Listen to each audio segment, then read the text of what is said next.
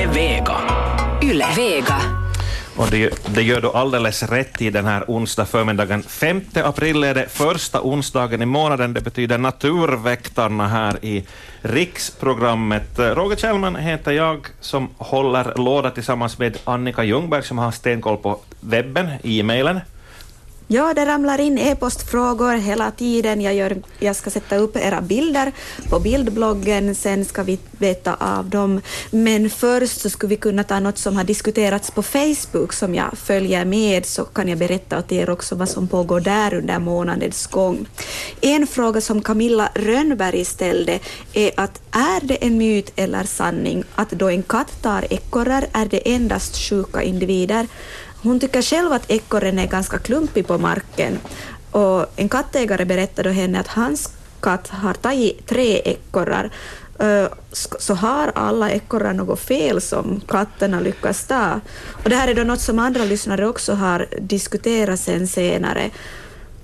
Att, och funderat, är det en mängd byten katten tar? Så stor att den har någon betydelse för våra vilda djur i naturen eller betar de bara av lite sjuka individer här och där? Mm. Vad säger våra experter Anders Albrecht och Hans Hästbacka om det här? Hans, du ler.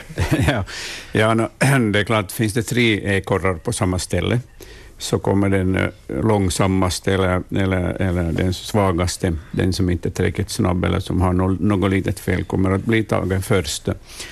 Men äh, finns det bara en ekorre åt gången så stryker den ekorren med och det finns katter som är oerhört skickliga på att ta ekorrar. Så det, det, äh, den här just med att de, de sämsta individerna blir tagna, så det, det gäller nog när det är flockdjur.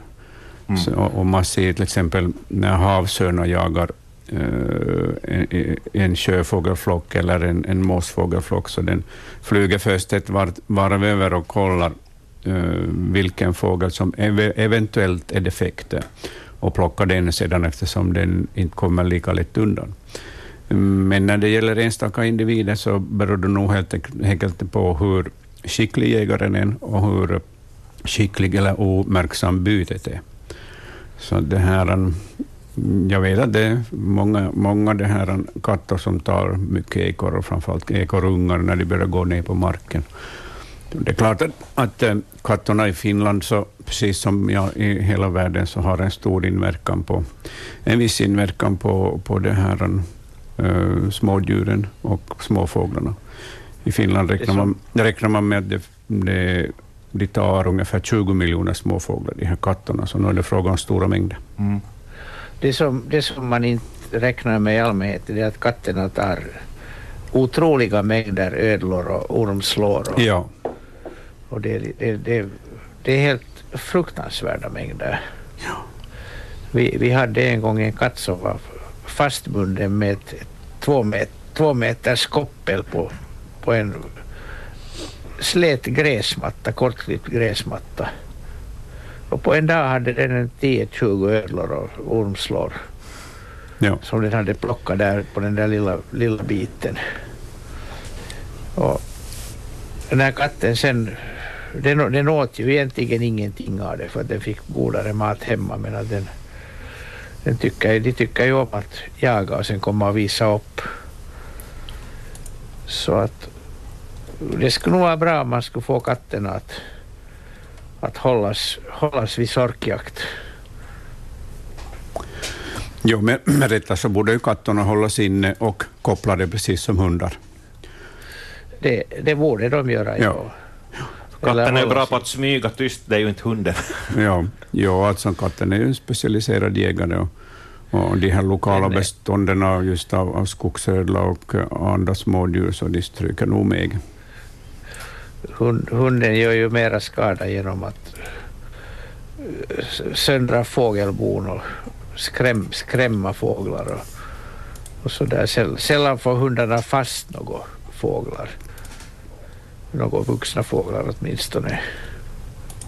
Men att unga, unga kan de ju nog bita. De flesta hundar tycker ju inte om fjädrar i munnen heller. Nej, men katterna borde vara inomhus och i band. Det är ja. vårt recept på kattproblemet. Så. Och hundar, hundar ska ju också hållas fast. Ja, Ja. Nu gott folk, nu har vi två samtal som väntar här, så vi ska raskt lyfta luren för det första. Hallå välkommen till Naturväktarna. Hallå, hallå, det är La- Lars Wikström. Lars Wikström, välkommen. Tack, tack. På tal om, på tal om katter, jag måste stänga radion för jag Ja, vi har lite jag rundgång. hör samtidigt. Jo, på tal om, om katter som jagar så kan jag inte låta bli att ringa och berätta om när vi hade en katt på besök och, sköt, och sköta.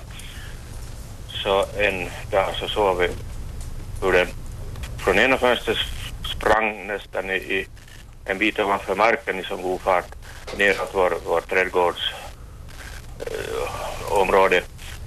Och efter en stund i det andra fönstret såg vi hur den kom bärande på en med hög, högt huvud bärande en hare i, i, i munnen. ja. Hade, hade grepp om halsen, eh, vid halsen eller någonstans. De brukar bita... Det var nog en syn, alltså jag skulle aldrig ha trott att dels att den katten sprang, kunde springa så hårt och dels att, att den var och få, fånga en hare. Det var kanske en, en, en uh, unge men det var nog rätt stor redan så att det var inte upp det här haren så det var nog inte en, en liten harunge. Ja. Ja, jag, jag har aldrig hört talas om förut att fångar. ja, din observation är inte den enda. Jag vet till och med och, och, om fall där, där eh, frassar har tagit vuxna fältharar och, och det är ju ett otroligt stort byte, så det är nog, Jo, det är det. Ja, ja. det är nog Ja, ja. tuffa Det jägare. händer. Mm, Det händer. ja. Okej, ja det var bara det. Mm. Tack för ett bra program att börja igen. Ja, tack ska du ha för att du ringde. Ja, tack. Fint. Hej. Hej. Det är ju ni lyssnare som gör programmet som sänder in de här intressanta frågorna och observationerna. Det hade nog, om någon skulle fråga mig, bett mig kryssa i vad katter har för bytesdjur. Jag skulle nog aldrig ha kryssat i hare där tror jag. Ja, ja nej, de här stora tuffa frassarna som kan ta fullvuxna harar, men, men alltså katter, honkatterna så de jagar ju mera än hannarna, men, men, men de tar nog harungar och halvvuxna. Ja. Och här är då följande samtal. Hallå, välkommen med i Naturväktarnas glada gäng. Uh, hej, Hej. det är Tor Fredrik Karlsson. Jag ringer från Helsingfors, men frågan är om en granhäck som jag klippte i Borgo här på veckoslutet. Och det var sån här svart eh, högst upp vid topparna och det så, såg ut precis som sot, men jag vet att det aldrig varit något brand upp. Att är det någonting som har oxiderat eller vad är det som har gjort att det blir helt, helt svart? Alltså var, var både barr och bark och allt svart. Alltså det, det är på höjd där den har varit klippt förut. Så jag tror att det är något som kom ut från eh, granen, någon vätska och så har det oxiderat eller om det så har det varit någon bakterier eller någonting. Kan ni säga någonting mer om det? Ja, det, alltså det, det tyder ju på att det är svart så det, det tyder ju på att det skulle ha, ha det där mögla. Mhm. Att jag, jag, jag undrar om ni har haft bladlöss där. Det är inte omöjligt. För att de, deras, deras honungsdagg, om, om det är inte myror som tar hand om den så, så den möglar och det, det kan bli helt svart. Okej. Bladen, Det låter som en bladen kan bli helt svarta av, av det här möglet. Jag kan tänka mig att om de sprutar ut litervis med sockervatten över granhäcken så, så ser det nog ut efter det. All right, all right. Jag, jag har sett sånt där förut, att jag, jag har hållit på många gånger och, och klippa med det där att eh, och, och det, var nära sen ett gammalt skatbo och, och det där, jag vet inte hade någonting med skatan direkt kan ha med det att göra, men, men där var, runt skatboet så var det mycket liksom sliten den där häcken. Att, är det Ja, då, då avföring skatt, eller skattar någonting? ri, river ju kvistar förstås. Ja. Men att, men att ja, jag kan tänka mig att det, det, det är av de här stora stora gren, grenlössen som de kallas som. Ja.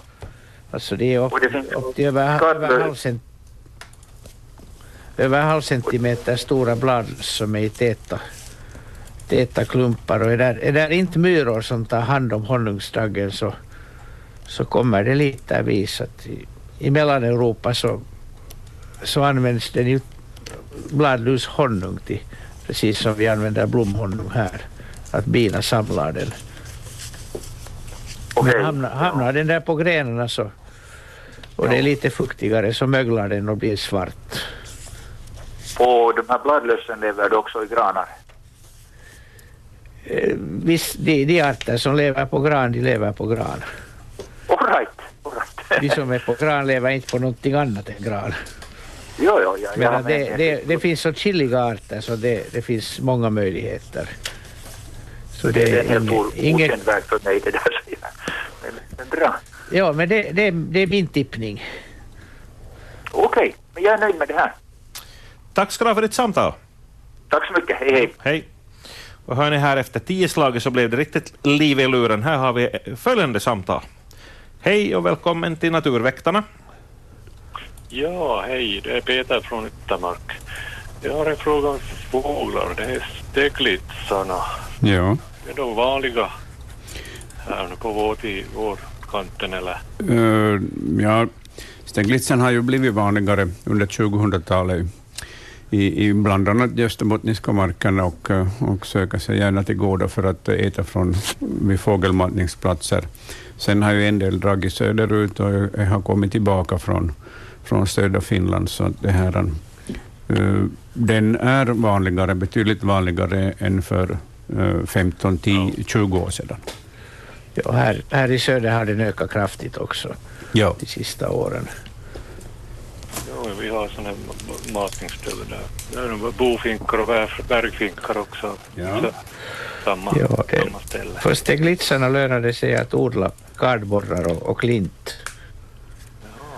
Och de behöver man inte odla, de växer nog själva bara man låter det vara. Ja, ja. Att på det viset kan man ha, som, som vi har, steglitsar hela, hela vintern hemma hos oss. Så. ja. Det är inte bara de här kardborrfröna de äter utan kardborrarna är också infekterade av borrflugor vars puppor och larver är, bästa tänkbara näring för fåglarna.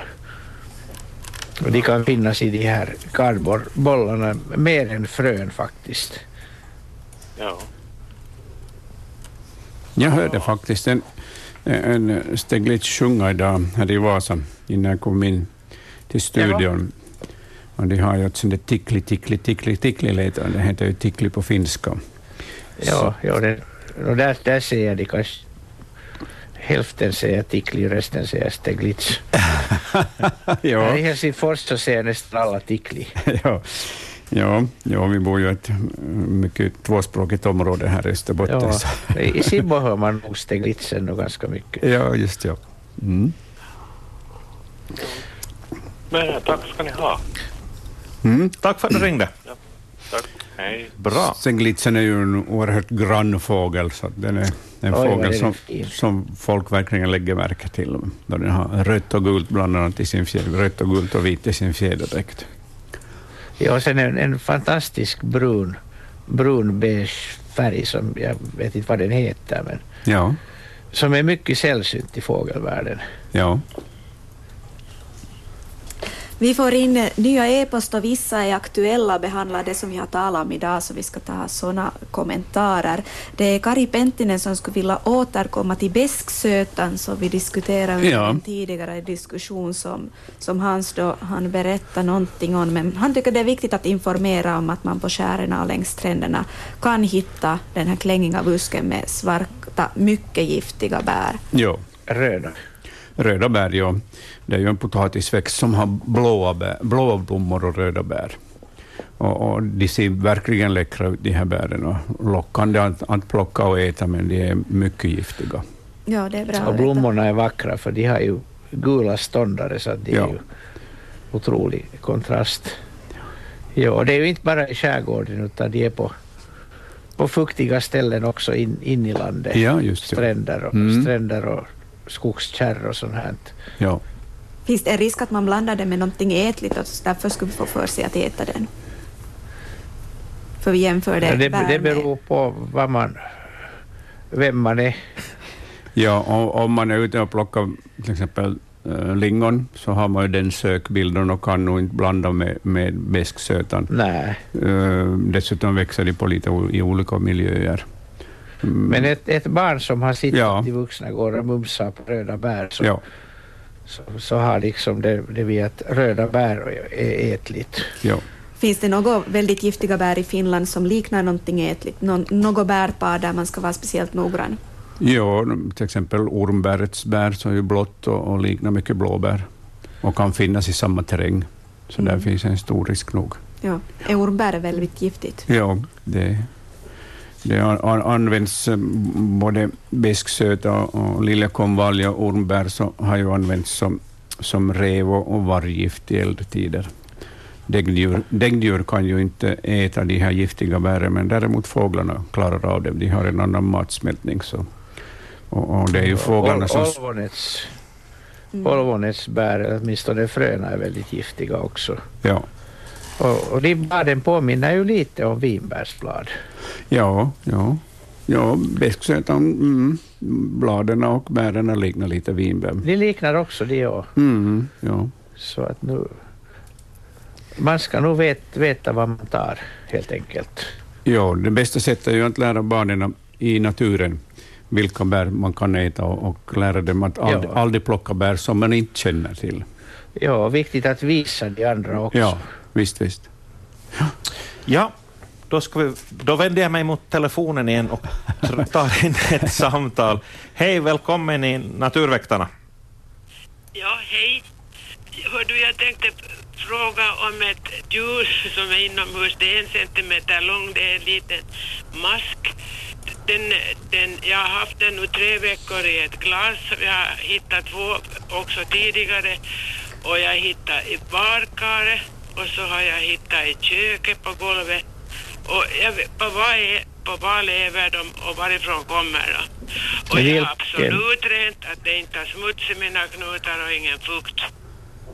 Nå, om du har djur där så de, de, de städar ju så att de håller reda på smutsen. Men, men vilken, vilken färg är den? Nu, brun och, och var svart.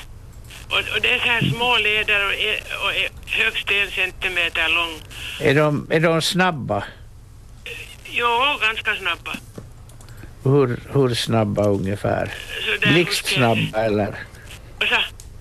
Är de blixtsnabba eller långsammare? no, inte, inte blixtsnabba inte, men att fort går det undan och, och, och den, här, den här äldre ska vi säga nu som jag har i svart så den verkar först så där riktigt att har den nu dött men, men sen när jag skakar om glaset så, så då får den nog liv och så börjar den med sen så, så liksom kryper de efter varandra där i glaset men att Ja, ja jag, jag undrar om du har rent av flera olika där. Jo, de ena, ena är liksom svart och de är precis likadana, bara att färgen lite skiftar. Och, och jag har haft det i flera år har jag, och, och det beror inte på smutsigt och det beror inte på fukt heller i badrummet. För, Nej, jag, tänk, jag tänker de- dels på, på nattsmygen som är, som är ljusare och sen ängarlarver som är, som är de här mörkare. De har samma form. En sån där som smalnar bakåt. Jo, Och jag, jag skulle tro att, att, att du har både och. Och den här, den här nattsmygen är ju en sån här putsare. jaha, de- men ja, i glasbottnen nu så är det liksom, en har torkat ut helt och hållet som jag hade den i fångenskap. Hur länge den lever, den dog nog så det var bara skalet kvar. Men, Ja, na- men de här nattsmygen nu har jag behöv- fått- De, de här två som jag nu har kvar så de, de har nog varit minst tre, tre veckor i glaset. No, det, det, det är nog ängrar då. Nattsmygen klarar inte utan fukt. Att den, de, de lever ju nere i, i, i vattenlåsen och avloppsrören och de Jaha. kommer upp på natten. Det är riktigt bra att ha dem där för att de, de, de äter av den här bakteriemassan som växer där inne i röret. Så de, de putsar rören. ja, jag kan förstå vilka rör det kommer ifrån, men fast man har ju rör förstås i badrummet och, så Ja, alltså det, det, är- det är närmast de här ut, utgående, alltså avloppsrören.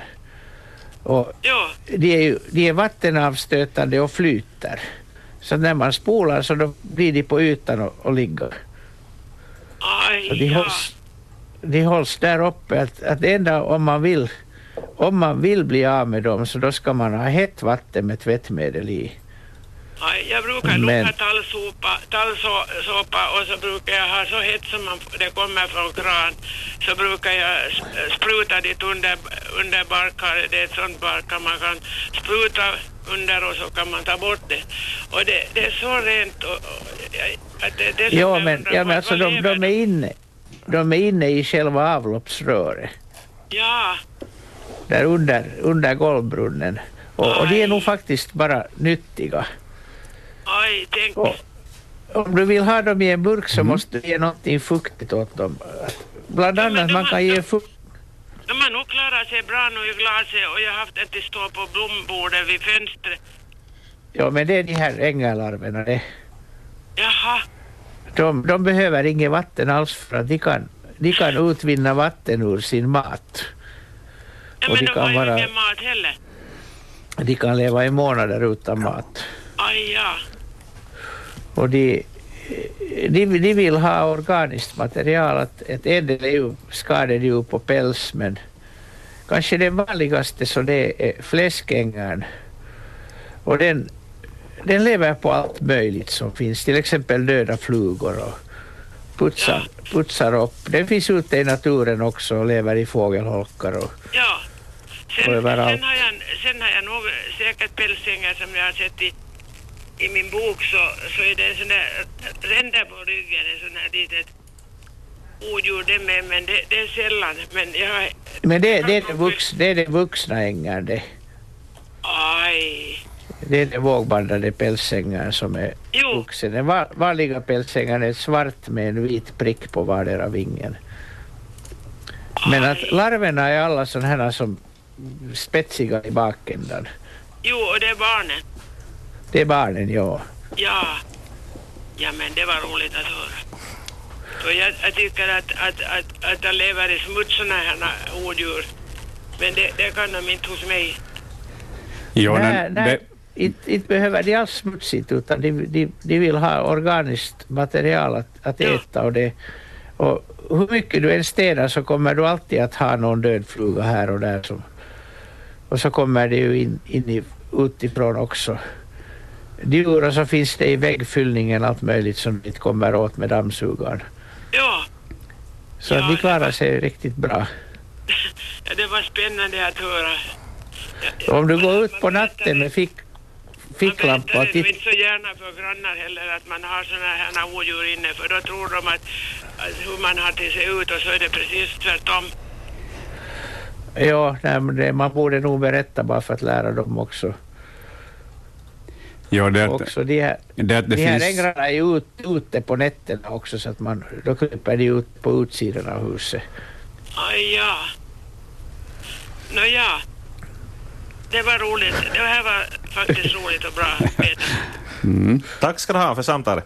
Jo, tack, tack och hej, hej. Hej. Bra fortsättning. Hej. Hej. Ja, man kan nog se de här smådjuren som vi har i våra hem som hälso, eh, positiva hälsotecken. Eh, vi har inte dödat allt som finns i våra hem och, ett, hem är inte smutsigt bara för att det finns någon spindel och lite, lite det här silverpilar och, och någon fluga inomhus. Det är bara...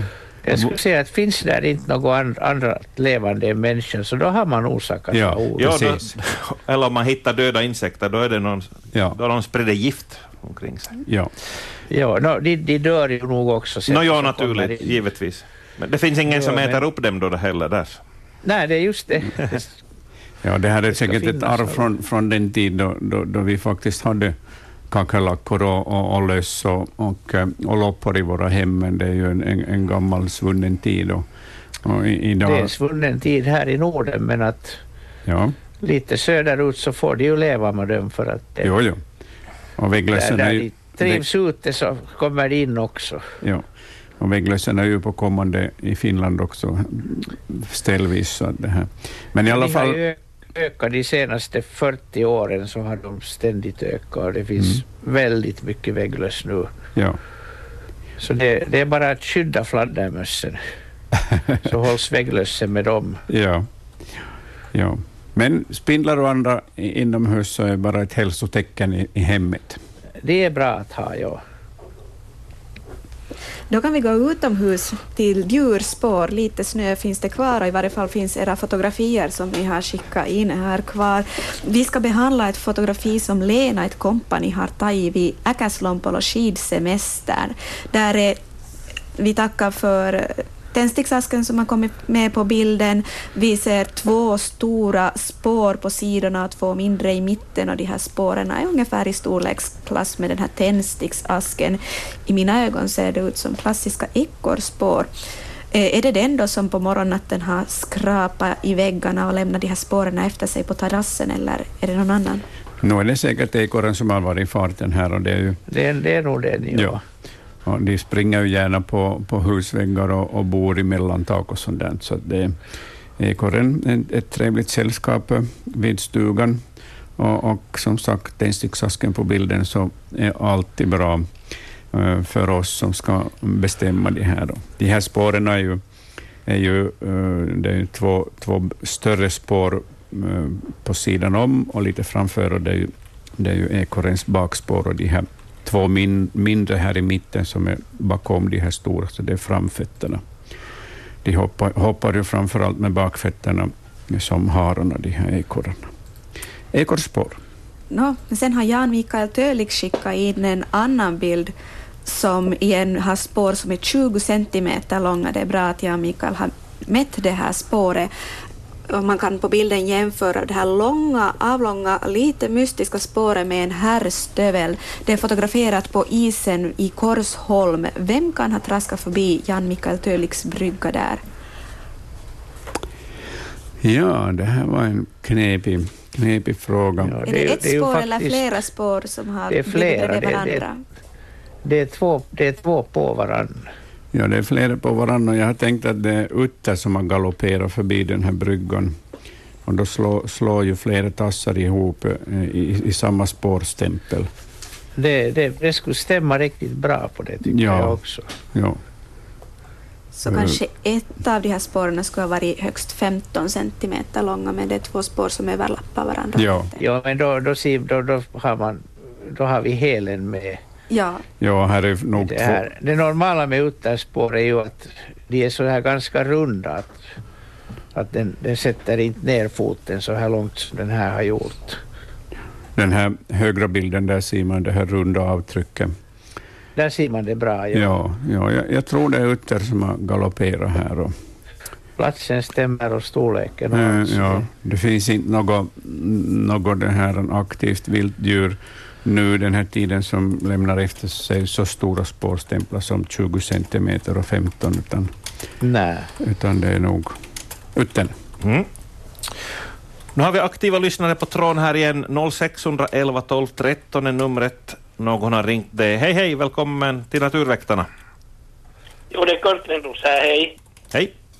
Hör du, det där, jag undrar, eh, är det där en sån här mårdhund eller tvättbjörn? Äh, vad håller den på med? Vad äter den? Och så vidare. Jag har upptäckt här på tomten nu nattetid äh, flera gånger när strålkastaren tänds så har jag sett sådana Katten är hiskeligt rädd att gå ut och så vidare. Ja, det är säkert mårdhunden du har där på tomten. Och, och den söker allt ätbart som den kan bara hitta nu på, på våren. Maskar, sniglar, frön eh, precis allt ätbart som den... som- Bär. Det finns bär. mycket bär från Mm. förra vintern. Nå, hur det där, hur, hur, hur klarar sig katten undan en sån här? Ja, jag kla- katterna klarar sig nog bra därför att de håller sig undan och eh, katten är betydligt snabbare än, än, än mårdhunden. Jag har inte faktiskt hört om några sammandrabbningar mellan mårdhund och, och katt. Däremot kan ju rev ta nog eh, katter, men det är betydligt tuffare jägare än, än mårdhundarna. Ja, ja, ja. Jag tror att Men katt och det här- hund det här- är ganska jäm, jämspelta. Ja. De här luktar sig säkert fram till de här och då kan de hålla sig undan. Ja, sen ser ju katterna, de här mårdhundarna, när de rör sig, de är ju inte något, något försiktiga av sig, de här mårdhundarna, utan de ta- tassar på i sin egen takt och i sin egen värld och är lätta att upptäcka. Ja, ja, ja. Jo, nej, jag bara undrade där hur, hur farliga de är för, för katten, för jag tänker mig som så att om det lyckas överraska så då, då kan det gå illa. Men, Ja, men jag tror faktiskt inte att, att eh, den klarar av det. När nu katten är medveten om också att det brukar finnas mårdhund, så den kommer hela tiden att spana, hålla utkik efter, efter mårdhunden. ja, ja. Den känner ju nog på lukten att det finns där. Så. Ja. Och sen skulle det där, en sån här grej om myr.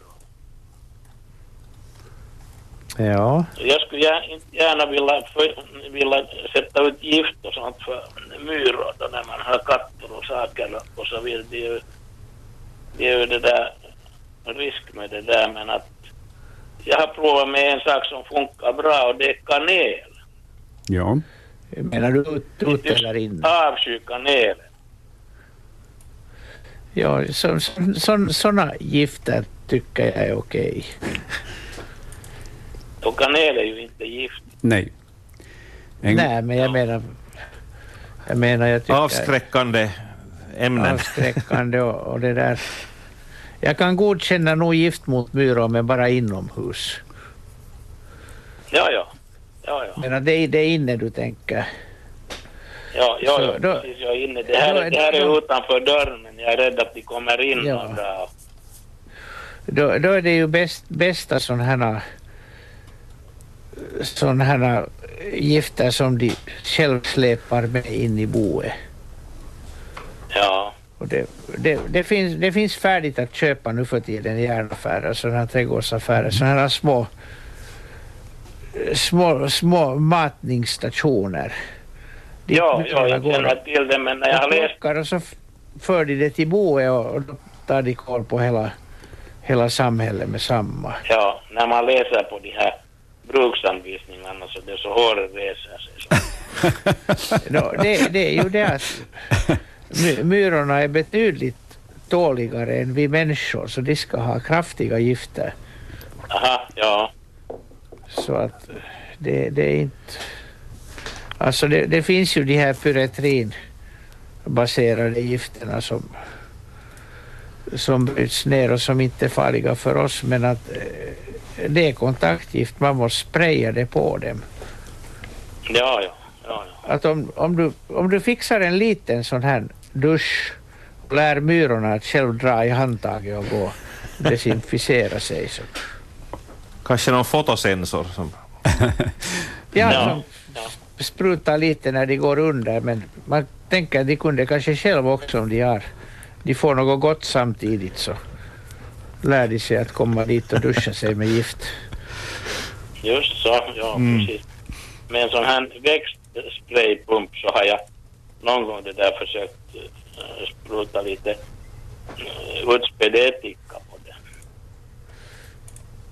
Ja, det tycker de säkert inte om heller men problemet är att man kommer inte åt dem som är inne i boet.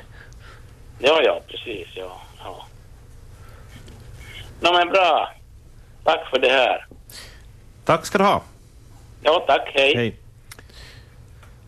Hörni, på tal om, om besökare på gården, så vi har fått in två fina bilder här. Eller många fina, men jag- de här två jag tänker på nu. Om vi skulle ta den. Ja, när det talade om Det utter där tidigare så ska vi fortsätta Mm. om det är, Är fråga om utter i de här frågorna. Eh, Det är en tvådelad bild där det syns en röd husvägg och ett djur på grusplanet. Det är egentligen två bilder varav Elof Gädde har skickat in den ena och Ah, Helena det där, Grönholm ja, den just. andra.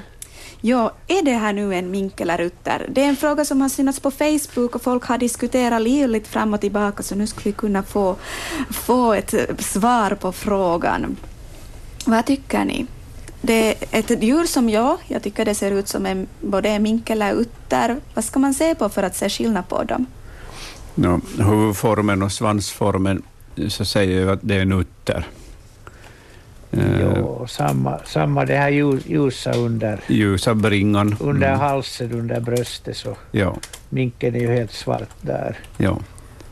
Att minken har ju mycket kortare nos och burrigare svans. ja. Den här svansen är ju avsmalnande, som är typiskt Ja. för uttern. Ja, men sen det här andra, andra djuret så det... Det är väl Det är samma djur djur. För det är samma Nej, men det här trädgård. vita som sitter här närmare. Ja, Ja, den en ja, den kan man fundera på. ja, ja. Det här är ett intressant ekologiskt fenomen annars, att, att uh, uttern har den här ljusa bringan. Det finns två andra vattenlevande djur som har en sån här ljus bringa och den ena är, är, är strömstaren och den andra är, är vattennäbbmusen. Alla tre har det här, det här ljusa bröstet och, och det underlättar säkert deras sök, sökande efter föda i, i vatten. Ett, ett visst ljus så reflekteras från det här ljusa bröstet ner mot, mot sjöbotten och åbotten så att de kan hitta, hitta byten lättare. Ja, ser du, det där har jag inte tänkt på, men det, det låter ju. Ja. Det, låter mycket logiskt. Ja. Det låter som en delfin. Ja, ja. nej, jag, har inte, jag har inte faktiskt tänkt på det, men det, de, de, har, de jagar ju på liknande ställen ja. i grunt vatten. Och det, ja. det gör de. Faktiskt, ja, det var, det var bra det där. Så det har de gemensamt, de här vattenlevande uh, ut, uttern och, och, och roskar, uh, no. uh. Strömstaren, Strömstaren och, och, det här, och, och större, eller vattennäbbmusen. Mm. Bra. Hej, den här frågan alltså, hade alltså kommit in via Facebookgruppen Naturväktarna. Vi kan ju notera att den gruppen har passerat 3000 medlemmar här i, mm. i mars månad. Ja, mm. den gruppen växer. Det är ungefär en ettårig grupp som, som, där man kan diskutera naturfrågor då när vi inte är på etern. Men snart om en dryg månad, så då får ni höra oss en gång i veckan, så, så kanske man klarar av abstinensen bättre. Nu har vi någon på tråden. Vi har 20 minuter kvar och ska hinna med många frågor ännu. Här kommer följande. Hejsan hejsan, välkommen till Naturväktarna. No, hej hej. En enkel fråga. Det här eh, döda svanar som man ser och tar och i Pedasöre men som har flugit i trådar. Ska man anmäla dem till någon tjänst eller ska man låta naturen ha sin gång? Nej, du behöver nog inte anmäla dem, svanarna, sångsvanarna som det gäller, så de är så allmänna så att det finns inte något intresse för, från eh, myndigheternas sida att, att ta hand om dem, utan nog, jag brukar nog låta naturen ha sin gång. Ja, ja. De blir ju uppät, ja, uppätna, de här svanarna. Ja, ja, ja, ja. det blir ja. mat och rävar, rävar och sånt. Rävar och örnar äter upp dem. Och, och det är tyvärr den, den vanligaste dödsorsaken bland sångsvanar idag, att de flyger i elledningar av olika slag. Ja, ja, ja. Så bryter de nattcancer. Ja, de får e- elstöt också, så de, de dör, Aha, ja, dör av elstöten. Ja, ja. Så det är så. Ja, men bra. Ja. Tack ska du ha. Hej. Ja. Tack, tack. På tal om det, uh, skulle det hjälpa att som man på en del högspänningsledningar har sådana här bollar eller markeringar så att de ska synas för, för, människor, för människornas skull också, men skulle fåglar kunna reagera? Just vid sådana där typiska mellannandningsplatser ja, där det, många svanar rör sig. Det hjälper nog de här bollarna, för de blir ju mer synliga då de här, mm. de här trådarna. Sen, uppmaning till elverken där? Ja, elverken har nog faktiskt på vissa ställen installerat sådana här synliga bollar på ledningarna för att då minska på svandöden. Och, och, och det kan ju skada ledningarna också om det blir kortslutning.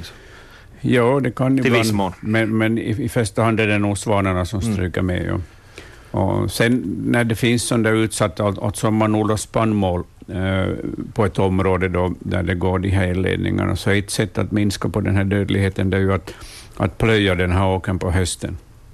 Eh, svanarna betar ju helst på, på stubbåkrar, eh, som det finns gott om idag och det är bra.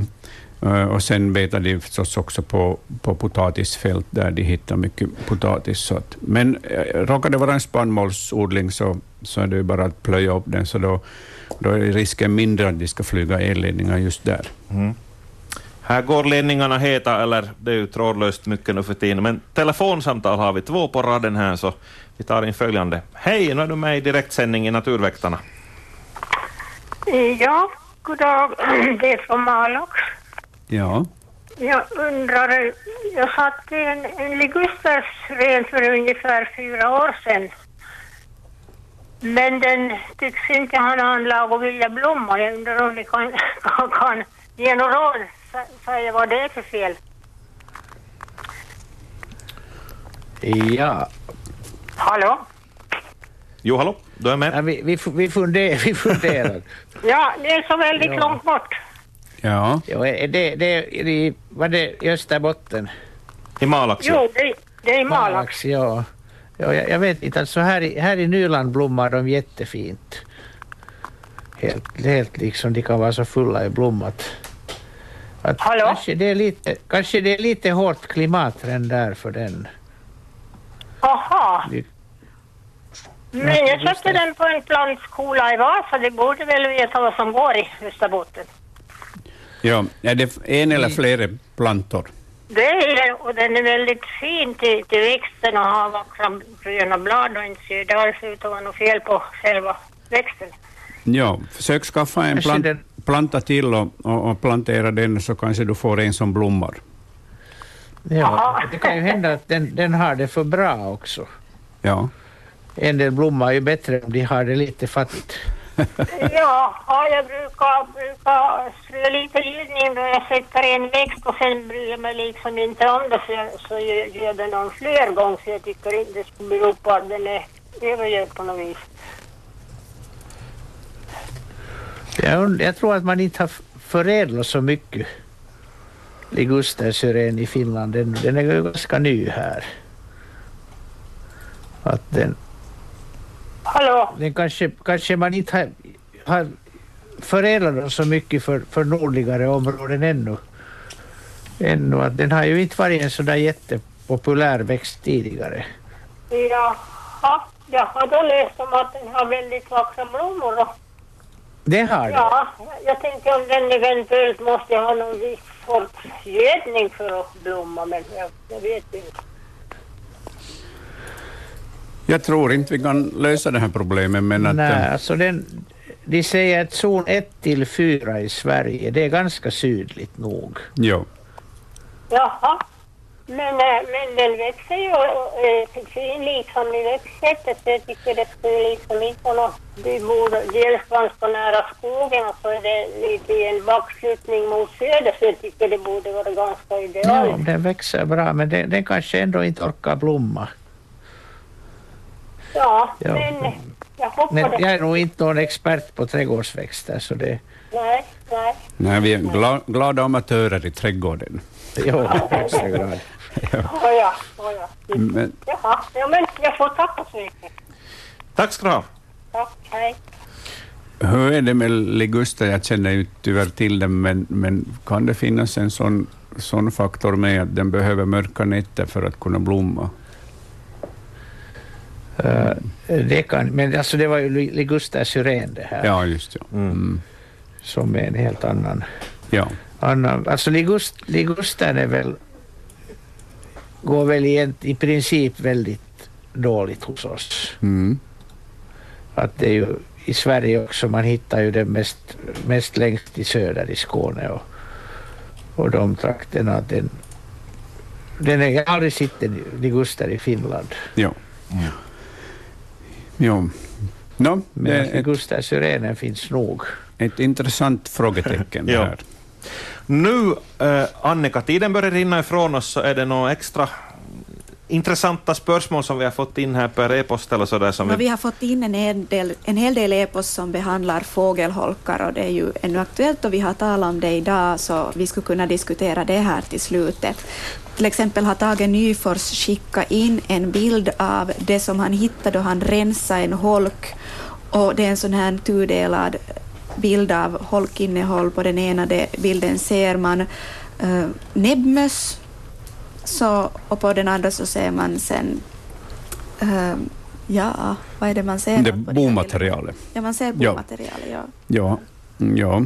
Det här är nog mm, sparvugglans vinterförråd av, av eh, smågnagare. Den här, I det här fallet näbbmöss som, har funnits, som det har funnits gott om på, de platser där, där, på den här platsen där holken finns och där sparvugglarna har, har det här vistats under hösten. De jagar ju flitigt under hösten och, och, och eh, vintern smågnagare, näbbmöss och, och småfåglar, de här sparvugglarna, lägger upp ibland riktigt stora förråd som de sen lever av under eh, vårvintern och våren när de, när de det här börjar häcka, eller under vintern när det är tuffare tider.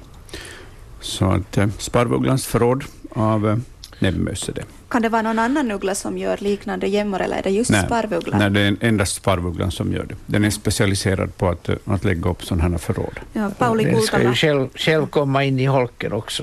ja. Ja, det är sant. ja. Ja, Vi har fått en annan motsvarande fråga där, fråga där Pauli Kultalahti har skickat in en bild med också tofsmes och blåmes och talgoxe bland döda mössorna. Det är en bild som nyss kom in så den Ja. har jag inte hunnit lägga upp. Men då är det fråga om sparvuggla också. ja. Kan det vara något farligt med de här döda djuren i holken? Ja, no, det är klart under, under varma, varma perioder så, så ruttnar det ju förstås. Så. Men jag har inte hört att någon skulle ha smittats av någonting när de har rensat sådana holkar, utan det är nog bara att rensa ur dem i lugn och ro. Eller om, om det är en bra holk så kan man lämna förrådet kvar åt sparvugglan. Den kan, det kan hända att den kommer och plockar åt sig av de här bytena ännu. Har vi någon på tråden? Det är ju bäst att rensa dem medan det är minusgrader. Överlag, ja. ja. För lopp, loppornas skull. ja. På tal om ruttet, jag, jag kikar här, eh, vi fick här in från eh, Margareta Pellas den första mars, en, eh, vad ska vi säga, ett tack för ett gott råd som hon har fått här i sändningen tidigare. Det kan vi ta nu fast. Jag läser upp det här. Ja. Ja. En stor marodör i naturen är vildminken som tar sjöfåglar, äggfågelungar, allt naturligtvis för att föda upp sina ungar. Hur gör man för att få bukt med det här? Jo, eh, Margareta fick, jag tror att det var av dig Hans, jag tror Mm. jag var med i den sändningen, du gav rådet att uh, mot sork så gräver man ner strömming här och där, den ruttnar och sprider en hemsk stank där. Och eh, Margareta vill berätta här att sorken försvann ja. Det ju tack vatten, vare detta tips. Ja, vattensorkarna är, är det stora problemet med gräsmattor och, och de tål inte förstås lukten av ruttnande fisk. Mycket Ja. naturligt. Mm, naturlig bekämpning. Nu ska vi nog ta in ju folk borta också. objudna gäster. Nu ska jag ta in ett samtal. Här ligger någon på tråden. Hejsan, Naturväktarna här. Hallå? Hallå, hallå, nu är du med i sändning. Jo, det här är Per-Ole Ri från Borgå, Hantverkaregatan 42. Välkommen. Tack, tack. Det där, jag tänkte fråga, det gäller svartvita flugsnappar. Ja, Och det där, jag har en holk, eller jag har egentligen nio holkar i, i mina fruktträdgårdar här.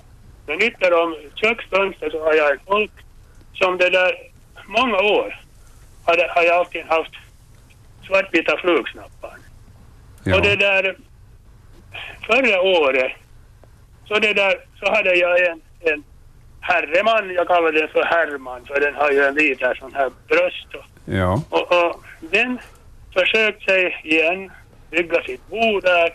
Den sjöng och den sjöng och inga hit, ingen fru började komma. Så tog den, den var uppe i vår TV-mast och så ännu högre till grannens TV-mast. Och ingen fru kom. ja. Och när det hade gått en och en halv vecka så, så började så tänkte jag nu har det gett upp. Men så kom den plötsligt för att när det är ytter om vårt köksfönster så kan jag följa med ganska bra. Och det där, jo, den kom med en fru och frun kikade in i holken och jag tänkte nu har vi i år igen ett flugsvamparbo. Men nej, frun flög bort och då var den ensam igen. Och så fortsatte den åter den, den veckan och sjöng och sjöng.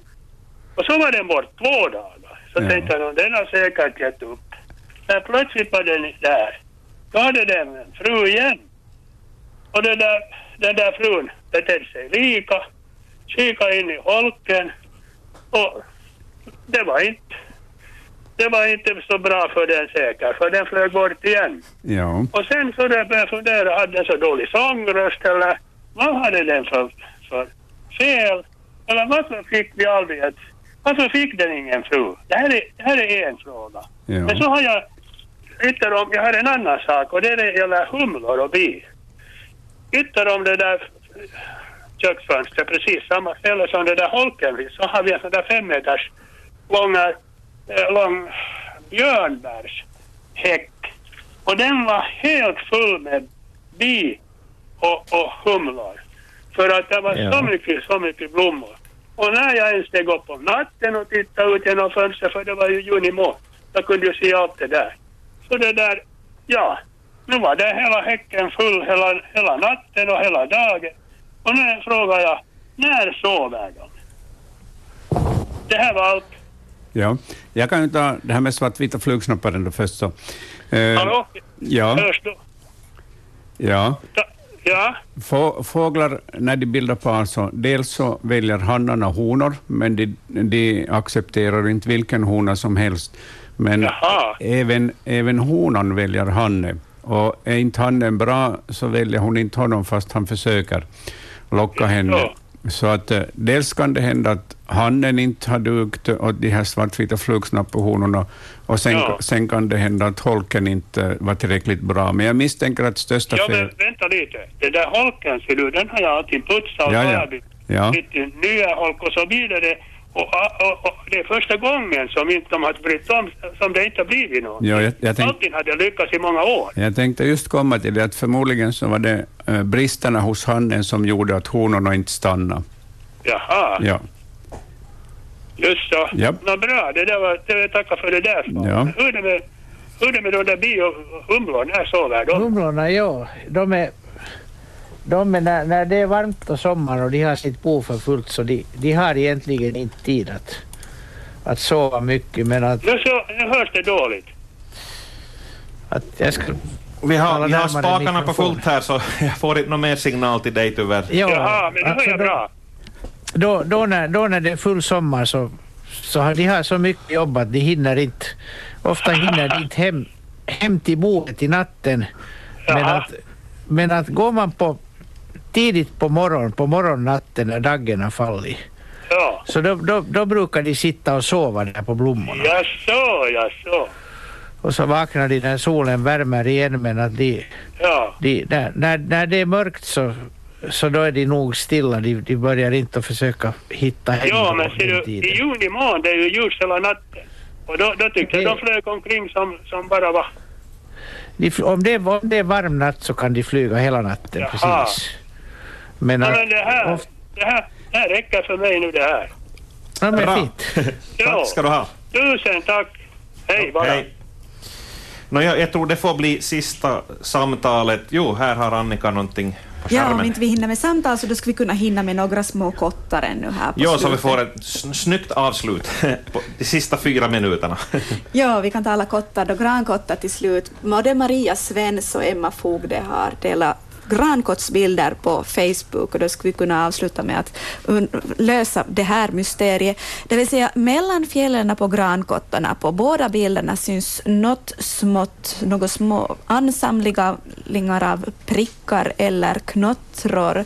Kan våra experter nu se det fråga om samma fenomen på båda kottarna eller, eller är det något olikt?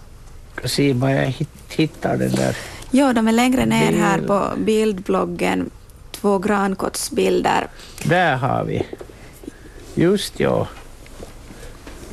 Ja, så det, det är fjärilsprippel. Prippel? Fjär, alltså avföring av, Ja. av fjärilar. De här mängderna skulle... Och det ser ut som en stor kotte, ganska stor. Så det, det är antagligen en som heter grankottmått. En sån här liten, eller ganska stor för att vara småfjäril.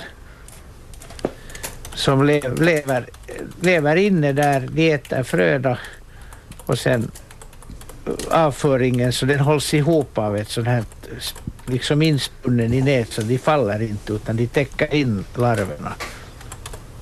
Och grankott vecklad gör, gör likadana spår men att den är vanligen i sådana här unga småkottar. Så jag skulle tippa på grankottmåttet. Den är sådär grå, smalvingad grå, gråsvart spräcklig fjäril. Den kan ni googla fram så hittar ni utseende. Men det, det är det sannolikaste, att det är just den, den arten det är frågan om. Den är mycket vanlig. Den är ju inte alls hälsosam för granens frösättning. Så den gör ekorrarna ledsna. Ja, jag kopplar gärna ihop till en annan bild med grått och smått. Det är Margareta Järby som har skickat in en bild från 28 mars. Hon har tagit genom fönstret och man ser eh, ett, eh, en flock med småfåglar på marken som äter av frön. Och, och Margareta undrar vad det här är för fåglar. Och det är gråsiskor som har landa på gården och plocka upp, eh, plocka i sig av de här fröna som finns på marken efter vinterfågelmatningen. Eh, gråsiskorna är en av våra minsta fåglar och en, en omkringstrykande vinterfågel hos oss så de är på väg nu till björkregionen i Lappland för att då småningom inleda sin häckning. Det har blivit allt allmännare att gråsiskan kommer till våra gårdar för att, eh, för att äta, äta frön av olika slag som vi serverar. Som gråsiskor. Mm. Den gråsiskan häckar ju faktiskt i, i litet antal också här vid sydkusten. Ja. Men att de Huv, flesta huvudparten ska, ska norrut, ja. Mm. De ska norrut, ja. Det är ju, det är ju i Lappland man ser det sen på sommaren. ja. Hörni, det var det, det. Allt vad vi hann med den här, den här omgången av Naturväktarna. Vi får tacka Anders Albrecht och Hans Hästbacka. Vi tar sikte på onsdag den 3 maj. Då är det Mhm. följande Naturväktare. Och fram till dess så kan man ju eh, fortsätta diskutera på Facebook. Ja, på natur, gruppen som heter Naturväktarna. Sen kan man också skicka e-post till vår e-postadress vega.natur.yle.fi. Mm. Och postadressen ännu, ska vi ta den en sista gång? Jo, den ska jag ännu leta upp en, en sista gång. Var var det jag hade den? Oj då, blir det bråttom med mina bläddrande bland olika sidor som jag har öppet här på min, min dator. Det är... Nej, det var inte den sidan. Nå, vi kan publicera den på Naturväktarnas Facebook-sida. Anna Ika Ljungberg, Roger Kjellman, Anders Albrecht och Hans Hästbacka tackar för sig.